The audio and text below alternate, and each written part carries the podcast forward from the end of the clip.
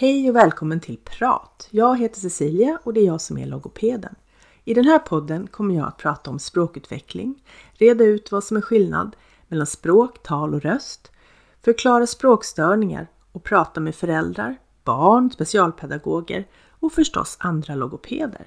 Jag är även mamma till ett barn med språkstörning. Min sjuåring har bland annat en grav dyspraxi, så det kommer ni också få höra om. Och om eh, teckenspråksutbildning och våra försök att få plats på en tal och språkskola. I detta allra första poddavsnitt pratar jag med en mamma om hennes erfarenheter. Min fina vän Cecilia. Hej Cecilia! Du har två barn. Precis. Och båda har haft det lite svårt med eh, språket Ja. och med talet. Ja. När eh, upptäckte ni det? Hur, hur gamla var barnen? Ja, alltså jag har ju två barn som sagt. Jag har Vincent, han är sju idag och Isabella hon är precis har fyllt sex. Och med Vincent så var det väl, alltså han var ju sen med sitt språk. Väldigt sen. Han kunde ett par ord kanske runt året. Ett och ett halvt år, det kom liksom inget mer. Två, det var verkligen inget mer. Och sen så tror jag att vi gjorde, och då började vi väl misstänka någonting och sen vid, han var nästan tre, då hade vi liksom gjort som en utredning. Så vi kom väl igång kanske vid två och ett halvt års ålder med själva utredningarna. Men jag skulle säga att vi, ja men typ märkte det runt ett och ett halvt. Var ni hos logoped för språket? Vart hamnade ni först? Nej, vi gick till BVC som vanligt, som man gör. Och där hänvisade hon oss till en, en vanlig barnläkare som kom dit. Och så pratade vi lite med honom och då så sa väl han det att bara som en ren försiktighetsåtgärd eller vad man ska säga så skickar vi vidare för Vincent var ju rätt liten. Och det är ju så olika med barn. Det är verkligen något man har lärt sig. Så efter det så um, kom vi inte i kontakt med logoped utan vi kom till Knut-teamet på Astrid Lindgren blev vi remitterade till. Och där utreddes Vincent och fick träffa, oj nu ska vi se, både psykologer, jag tror att det var en logoped också som gör någon bedömning. Eh, bland annat och, ja, och någon läkare och sådär. Mm, nej, så att vi har aldrig gått bara till en logoped med Vincent. Vad fick Vincent för eh, diagnos? Eh, han fick, eh, då fick han ju eh, autism, en autismdiagnos i barnaår eller Antingen, ja precis, infantil autism eller autism i barndomen. Det är samma diagnos. Ja, det är samma diagnos. Precis, du ser. Ja, så det fick han ju. Och sen så stod, eller också då att eh, man kunde inte utreda en till exempel eh, utvecklingsstörning för att han var för lite just då. Och hur var det sen då med Bella? De är ganska nära i ålder. Mm, precis. Hon, eh, nu ska vi se här, hon började ju då vid två. Alltså hon var väl också kanske runt två och ett halvt, tre och pratade inte så mycket med henne. Och jag tyckte ju att jag såg saker. Lite flaxandes med armarna och tippa upp på tå. Då ehm, gick jag till eh, BUP, kontaktade vi först direkt. Och så ehm, ja, började vi därifrån. Det kändes ju som en lite enklare utredning med henne. För problematiken var stor men absolut inte så som med vårt liksom, första barn. Och där fick hon också en autismdiagnos. Eh, som hon fortfarande har. Men de är ju som du vet så olika. Och sen nu efter eh, Ja men efter några år, nu går ju vi och träffar en logoped på habiliteringen. Henne har ju vi haft hjälp av med vissa grejer. Och där fick hon sen eh, diagnos språkstörning. Så det har hon ju. Hon är ju klart, hon är ju jätteduktig. Hon har ju utvecklats liksom fantastiskt. Hon kunde ju typ inga ord alls. Och så börjar vi på rätt förskola och de har, eh, alltså tecknar dagligen kring barnen. Och bara på liksom, jag skulle säga några dagar, några veckor så lärde hon sig stödtecken och sen direkt efter det så knäckte hon koden och började prata. Och det var så tydligt. Så sen har det ju bara rullat på. Det är ju liksom helt fantastiskt egentligen. Hon är sex år, hon kanske pratar lite otydligt med vissa vissa bokstäver kan man höra lite. Hon har kanske ett lite, alltså kanske pratar som en fyraåring då skulle göra. Skulle jag säga. Men det går ju framåt. Hon kom ju igång också senare med sitt språk. Hon tar igen det. Vi hoppas. Nu har ju du berättat att de är väldigt olika. Mm. Vincent har ju fortfarande ganska lite tal. Mm. Medan Bella pratar på. Mm. Och det blir mer och mer. Mm. Hur fungerar det med kommunikationen i familjen? Mm. Ja, alltså som sagt med Isabella är det ju typ inga problem. Vad jag kan känna att hon kan tycka är skönt det är ju så här om man sätter en klocka, en timer för att liksom förtydliga att sen ska vi iväg någonstans eller inte. Att det blir så visuella saker för henne. Ja, så vet hon vad, vad, vi, vad är en timme liksom och då kommer någon eller då ska vi åka. Det hjälper henne lite. Och för Vincent, då försöker ju vi, han är jättevisuell. Han kan tecken lite grann, det gör ju, kan ju vi också. Men vad vi upplever med han är att bilder, där, där, det kommer verkligen till sin rätt. Jag behöver bara visa liksom en bild på min mobil. Och det tar han. Han ser den, han fattar, han vet. Han vet till exempel, okej okay, om jag hämtar på dagis och vi passerar 40 affärer och bensinmackar att nej, nu ska vi hem eller vi ska till mormor eller vi ska till just den här affären. Och det, det går så bra. Det låter som att ni har hittat ett sätt som Mm. fungerar bra. Mm. Hur är det mellan syskonen? Alltså de, de har ju kul. De busar och leker och sen tycker ju hon att han är jättejobbig stundtals. Så han får inte ha hennes saker och allt det här som liksom syskon generellt har tänker jag. Men um, han lyssnar på henne. Hon, vill hon ta på honom någonting, då, då säger han ingenting. Vill hon kamma honom i håret? Och allt det här är ju lite känsligt för så autistiska barn. Eller många i alla fall. Då går det jättebra. Så han är så... Hon är den som får sitta vid honom och vara med. Och han älskar allt sånt där liksom. Det, det är väldigt roligt. Alltså de, hon använder väl lite stödtecken till Vincent när hon försöker säga någonting så till honom. Men hon hjälper honom. De har inte så mycket kommunikation, alltså på så sätt att de leker eller liksom pratar med varandra. Men hon är lite lillmammig mot honom, vilket är gulligt. Och han verkar ju verkligen tycka om det. Liksom. De har en kommunikation. Ja, jag tycker det. Jo, men det märker man. Det är fint. Har Vincent någon, någon hjälp av logoped? Jag tror att de har på skolan en logoped som har varit lite inblandad faktiskt. Han går ju på träningsskola. Så till en viss del ja. Men vi har inget stöd just nu. Det skulle vi säkert kunna efterfråga från habiliteringen om vi ville det. Men eftersom man har det i skolan och den logopeden som vi har i habiliteringen, hon... Eh, alltså det är mer att hon kanske då skulle kunna undervisa, om man säger så, personalen som jobbar kring honom. Hon åker inte ut själv eller barnen kommer inte dit och, får träffa henne så. Så fungerar det ju inte riktigt. Nej precis, det är en skollogoped som Ja, jobbar mer ja. mot pedagoger och eh, klassen. Precis. Nu har ju dina barn båda två gått på språkförskola eller på specialförskola. Mm. Och nu går Vincent i eh, träningsskola. Ja. Och Bella börjar snart skolan. Mm. Hur, eh, för jag vet att de har ju gått på Banyan Center båda två och Ja. tränat jättemycket. Ni har tränat jättemånga timmar. Ja. Hur många timmar är det i veckan man ska lägga ner när man tränar de här programmen? ja, vi har ju då jobbat precis med Banyan Center i två och ett halvt år. Tillsammans med båda barnen. Och vi tillsammans med förskolan som har varit liksom guld eh, har ju tränat jättemycket. Eh, jag tror att det handlar omkring jag blir osäker men alltså om det är typ 20 timmar i veckan. Så det har ju varit träffar på förskolan med Banjan som har kommit dit. Vi har varit inne hos dem i stan. Och sen har ju vi kört liksom upplägg varvat. Säg att vi träffades kanske ja, en gång i veckan om man snittar ut det. Varannan vecka, en gång i veckan. Och sen så har man ju jobbat då hemma på vissa delar och förskolan har jobbat på andra delar. Och så stämmer man av och man får coachning och råd och, och om allt möjligt liksom. Hur tycker du att det hjälpte dina barn? Ja men alltså det var ju typ det enda sätt vi hade. hur kunde det inte hjälpa dem, tänker jag. Det var ju det enda, alltså... Alltså det har ju hjälpt nej men på så många sätt. De har ju lärt sig att gå på toaletten.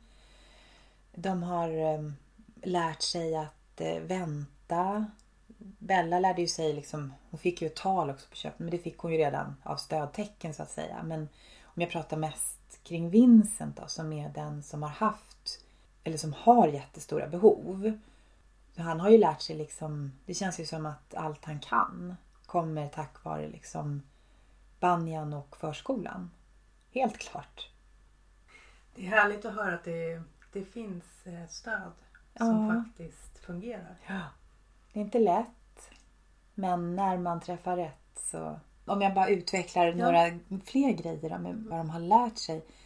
Det var ju det här med målstege, förstärkare, att man gör någonting först och så är man man ska vara så motiverad till att göra det där och då ska man också få något kul efteråt eller någonting gott eller vad det nu kan vara som är så motiverat för det här barnet och det kan ju vara jätteindividuellt. Och det har ju funkat jättebra. Så bra. Alltså det kan ju vara så här att man går på en promenad och ska hålla handen och man visar med en bild att nej, det är det här som gäller. Vi går dit och sen får du göra det här. Du får bli killad eller vi gungar eller du får en klubba eller ja. När vi pratade innan vi började intervjun ja. så sa du till mig att du funderar på varför sitter vi inte och jobbar? Varför jobbar vi inte varje kväll i mm. två timmar med mm. det här? Har du dåligt samvete över det? Att du tänker att ni borde göra mer? Alltså både och. Jag tror att jag känner att jag vet liksom, jag känner efter så här många år att um, det är viktigt också att hitta en balans i allting. Man måste själv hitta liksom sin syrgas. Man behöver sitt liv också. Och det är svårt att kanske göra liksom att jobba så intensivt i 20 år. Speciellt när man behöver jobba, man, man, behöver, man vill bara leva. Man vill också att saker och ting bara ska få vara lite. Så att just, jag vill, jag har jättemånga idéer kring barnen och hemmet och kommunikation och, och liksom tillvägagångssätt och sådär. Men just nu har vi lite paus och det tycker jag ändå är välbehövligt. Och sen kanske om något halvår, ett år så kan man komma igång med lite nya tips och, och, och liksom arbetssätt kring framförallt Vincent. Men ja, lite Bella också kanske. Jag tänker att det, det är svårt att vara, man är aldrig bara vanlig förälder mm. när man har de här barnen. Man, mm. måste hela, man tänker hela mm. tiden på de här bitarna. Det känner jag ju igen mig i. Ja. Jag tycker att det är, det är vettigt ändå att du klarar av att tänka att man måste få ta lite paus från det också. Mm. För man orkar inte annars. Det fungerar Nej. inte. Men jag känner igen det där liksom att man hela, mm. hela tiden tänker på vad kan jag göra mer? Mm. Vad skulle kunna hjälpa? Ja, precis. Men det går ju inte. Nej, det har jag lärt mig av bra liksom, professionella människor som jobbar med sånt här. Att det man måste lyssna också på, på sig själv. Det är jätteviktigt. För man måste orka. Det är ju det. Bella går ju kvar på sin förskola. Mm. Behöver hon sina stödtecken där? Tecknar de fortfarande? Ja, de tecknar ju väldigt frekvent där. Eh, det gör de. Så hon förstår ju jättemycket. Hon tecknar inte så mycket själv, men hon kan mycket tecken fortfarande. Så jag, jag vet inte riktigt hur pass påverkad hon är av de där tecknen ändå. Man vet ju inte eftersom de alltså dagligen använder dem där. Nej, så kan det ju vara. Ja. Det kan ju vara så sen när de försvinner, när de mm. börjar skolan, att ja, det märks. Precis. Det vara bra att, ha, att tänka på. Att tänka på. Mm. Hur kommunicerar hon med de andra barnen? För jag menar hon pratar ju. Pratar alla pratar. andra barnen? Um, ja, på hennes avdelning så gör alla det nu. De har olika typer av språkstörningar och det är lite, någon, lite autistiskt här och där vet jag. Och, och ja, olika liksom variationer. Och någon har säkert kanske inte någonting heller. Och någon är från något annat land eh, och har inte alls svenska talet. Vet jag flera stycken har haft. Och då har ju de tecknena, tänker jag, där har ju också varit guld värt.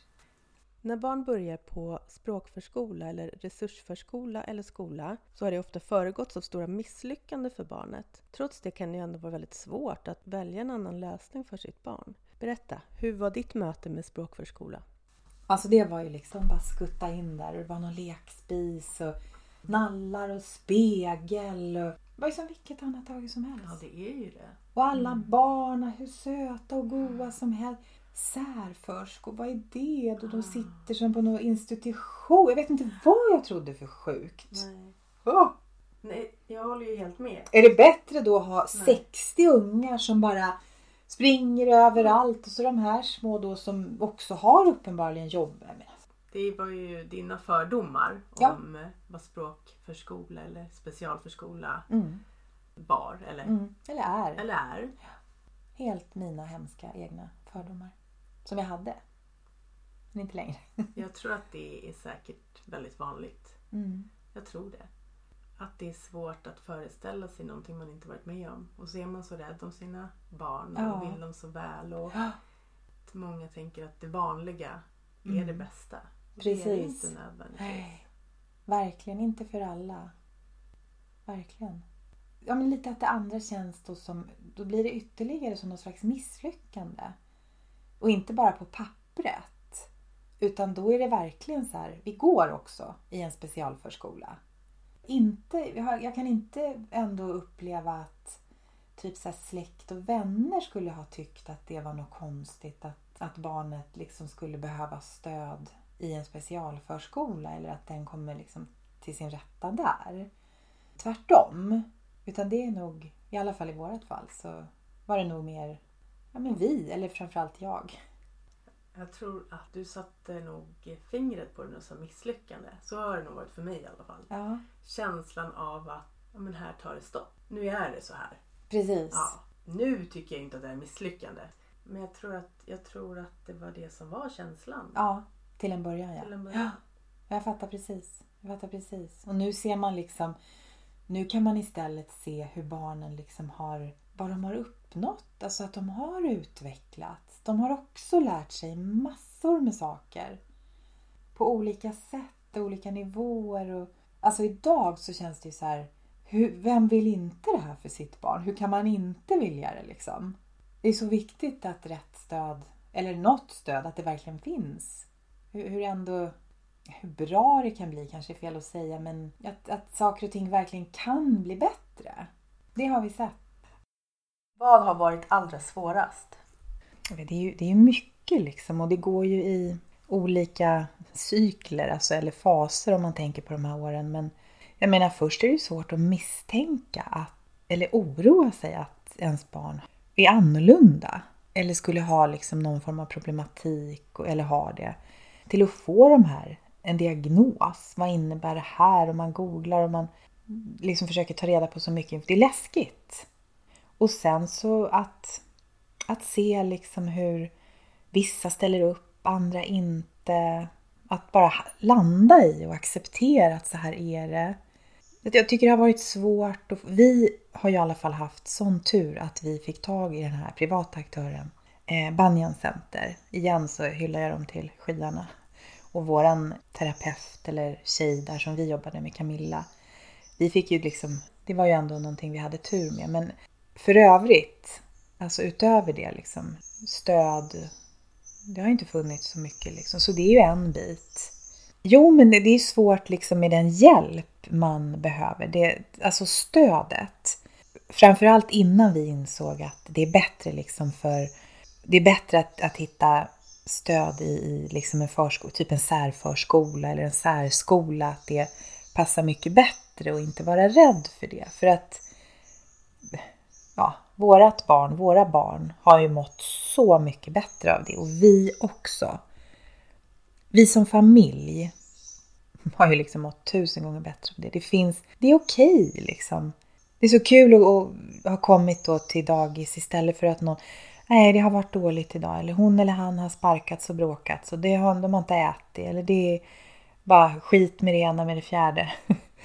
till att bara, hej vad kul, vi har haft det jättebra, vi har gjort si och så. Bara att få bli, bli, bli bemött så. Alltså du vet bara sådana små saker tänker jag på. Som det inte var då. Eller som är svårare kanske på en vanlig typ förskola. Eller skola för den delen. Så jag tycker väl att det är mycket, jag vet inte riktigt vad jag ska svara på vad som har varit jobbigast. Jag tycker det har varit i olika faser och i olika delar. Men stort besviken på det lilla stöd som vården ehm, och habiliteringen ändå kan ge en. Det måste jag nog säga. Vilken hjälp eh, önskar du att ni hade fått? Typ allt.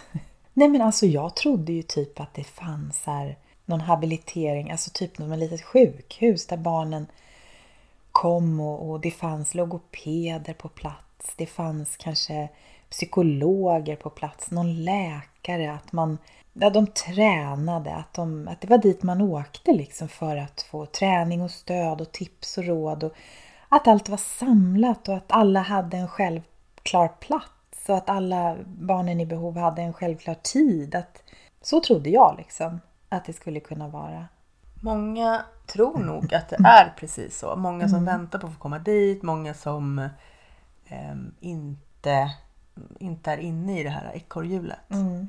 Tror nog att det fungerar precis så mm. som du säger. Autismcentrum för små barn, de mm. har ju helt tagit bort sin hjälp. Mm.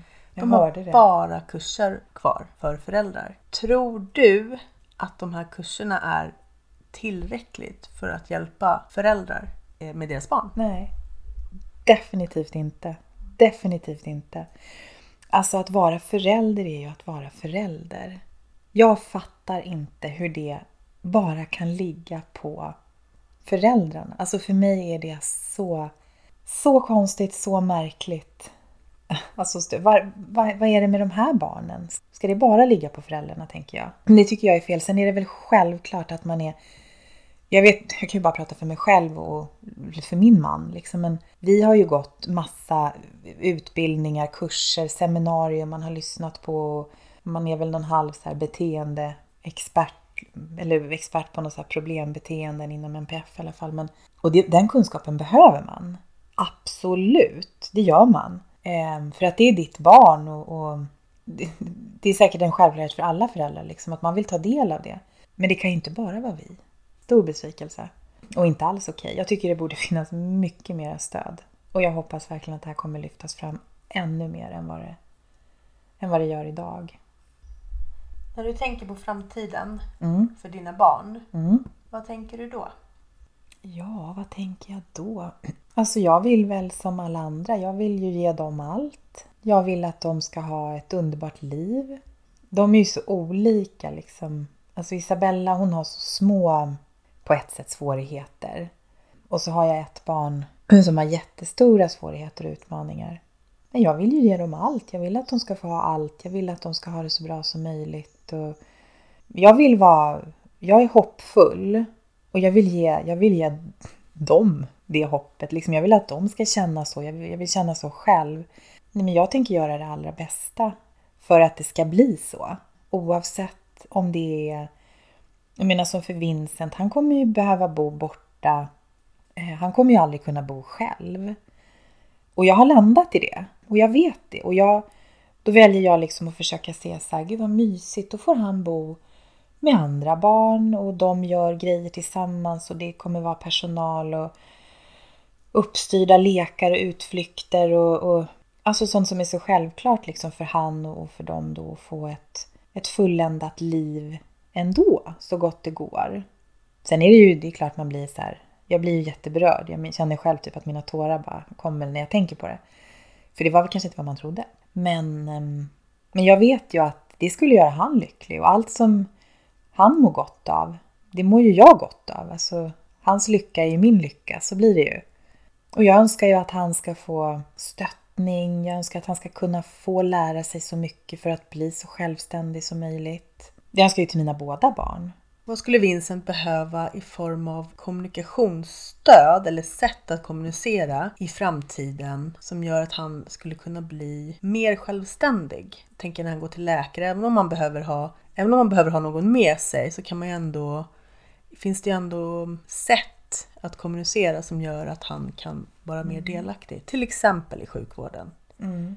Vad tror du att han skulle kunna behöva då? Ja, han är ju så Förberedelse är viktigt, att han vet vart han ska.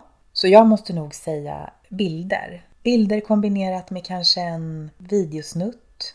Eh, kanske bilder på vem du ska träffa, vad du ska göra. Kanske någonting så här, vad som förväntas för honom då. Att där på den britsen ska du sitta eller på den stolen ska du sitta och de här instrumenten kommer de kika på eller ja, undersöka dig med. Typ lite så tänker jag. Eller det vet jag ju typ att det är sånt som behövs. Så bilder och tydlighet. Ja, jätteviktigt. Tycker du att det fungerar så nu i vården? Finns det bilder? Finns det... Nej, nej, gud. Ingen, vi har i alla fall inte fått någon, någon bild när vi har besökt olika alltså läkare eller nej, psykologer eller nej, ingenting. Det har ju varit vi. Jo, vi har faktiskt fått från tandläkaren bilder. Det är den enda som har försett oss med bilder. Där fick vi till och med en sån här, vi fick ta hem en sån där liten, vi fick ta hem en spegel. Så var det, en liten spegel. Det var ju jättebra. Men ingen, ingen annanstans. Då har vi själva liksom tagit fram bilder och små filmsnuttar för att försöka förbereda honom. Till och med BUP och HAB Ja, som ska ha kunskapen om det här ja, inte gör det här. ja. Inte det galet? Det är jättekonstigt. Det är så knäppt.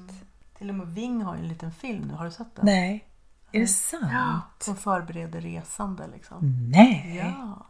det måste var coolt. Ja, det måste jag verkligen göra. Mm. Jag fick något tips om, just som man kommer in på resan och så här, att det fanns nu någon kod man kunde ge när man bokar biljetter. Så att, att personalen ska vara ja, men uppmärksammad på det här. Vi brukar alltid säga till, men Säger ni till när ni bokar då? Ja, jag har gjort det också, men jag, det upplever jag inte att det alla gånger går fram. Jag säger alltid när vi checkar in och sen så säger jag och, och får ett jättefint bemötande ska jag säga. Eh, både utomlands och här på Arlanda. Men jag eh, har också nu eh, fått intyg på att hans vagn är ett hjälpmedel för honom och inte en barnvagn bara så. För att eh, han blir lite tryggare i den. Så den ska i princip då, som jag har förstått det, kunna gå som en rullstol. Alltså det är ett hjälpmedel som han ska kunna ha till och från gaten till och med. Så är det bara sen att, gå på liksom. Vilket bra tips. Det tror jag inte så många som vet. Nej, Vem har skrivit det intyget? eh, det bad jag och HAB, habiliteringen, att göra. Så det fick jag omgående. Hur tänker du på kommunikation? Finns det någonting som skulle kunna hjälpa dina barn om andra visste eller kunde eller gjorde? Jag önskar att fler fick ta del av så här stödtecken. Jag önskar att det var en mer naturlig del för små barn, kanske generellt. På, både på förskola och skola. Hur häftigt vore inte det? Så tänker jag. Och även liksom att bildstöd och PEX är också ett, det är inte ett talat språk, men det är en kommunikation. Ehm, det är ett sätt att kommunicera. Liksom uppmärksamma sånt och, och ta del av, av sånt också. Både barn och, och lärare, alltså personal. För att förtydliga och förenkla. Det är jättebra för barn generellt, men liksom också för då våra barn. Jag tror också att både skolor, förskolor, vård, Mm, ja, alla, i allra högsta grad. platser skulle... Ja, men precis. Offentliga platser, de missar det verkligen. Att det går att göra jätte, jättemycket. Ja. Väldigt, väldigt enkelt. Och att man uppmärksammar också så här att...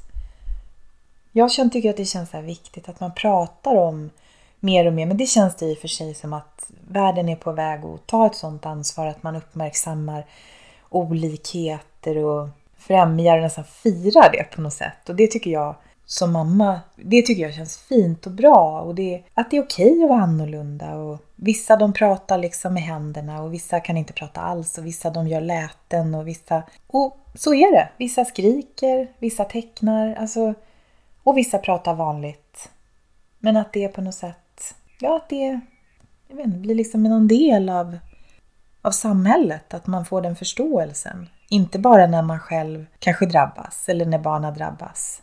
Man kan ju förlora talet alltså, av någon förvärvad hjärnskada. Det behöver ju inte alltid vara ett medfött fel. Det kan ju hända vem som helst. Min uppfattning är ju att just språkstörning tillsammans med motorisk nedsättning är saker som många, även i vård och skola, inte är så bra på. Mm. Att kunskapen är väldigt, väldigt liten där fortfarande. Mm. Trots att så många är påverkade av det. Mm. Och därför är det också jätte, jätteviktigt att vi pratar om det. Mm.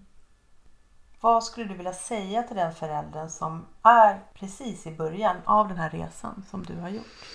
Oj. Mm. Vad vill jag säga?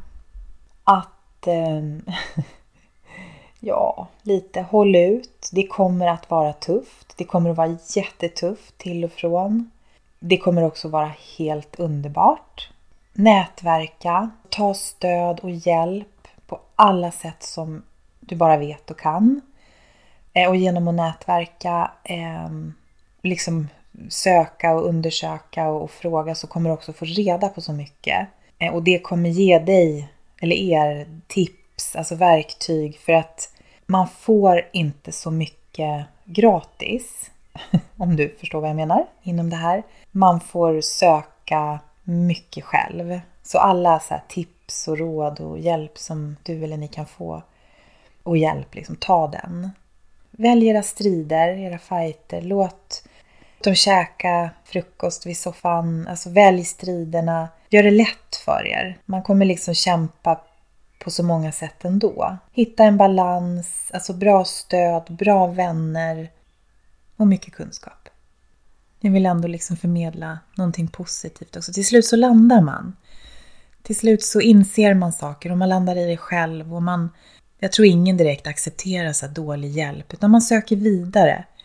Majoriteten av oss gör det i alla fall och till slut så hittar man den här guldpersonen, vem det än är liksom. En fröken på skolan, förskolan, en läkare, en psykolog, någon terapeut. Alltså, och, så, ja, och håll hårt i den och det gör liksom livet lite lättare. Tack snälla du för att du var med. Tack för att jag fick vara med. I Facebookgruppen och på Instagramkontot Prat med logopeden hittar ni mer information om dagens avsnitt. Vi hörs igen nästa vecka.